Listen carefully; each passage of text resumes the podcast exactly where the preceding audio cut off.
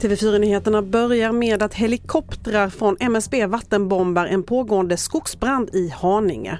Det är en yta på 300 gånger 300 meter som har brunnit sedan igår kväll. Enligt räddningstjänsten ska branden nu vara under kontroll och utan risk för spridning. Samtidigt varnar SMHI för brandrisk i skog och mark i delar av landet. Och andelen unga som både söker vård och får vård inom barn och ungdomspsykiatrin fortsätter att växa.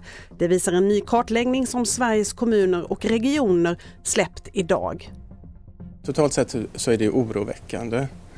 Och det är klart att vi kan inte ha uppåt mer än 6, 8, 10 procent av alla barn och unga som går i specialistvård på barn och ungdomspsykiatri. Så vi behöver ju ha en utveckling, få till en samhällsdiskussion om detta men även se till att det finns hjälp på andra nivåer. Jag skulle säga att det är en ödesfråga för vårt samhälle. Det är ju de barnen det gäller.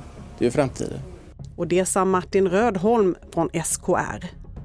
Polisen som utreder Madeleine McCanns försvinnande ska ännu en gång söka igenom en reservoar i Algarve i Portugal. Hon var tre år när hon 2007 försvann under en familjesemester. Och trots omfattande sökningar har Madeleine McCann, som nu i maj skulle fyllt 20 år, ännu inte hittats. Fler nyheter på tv4.se. Jag heter Libertad Mancini.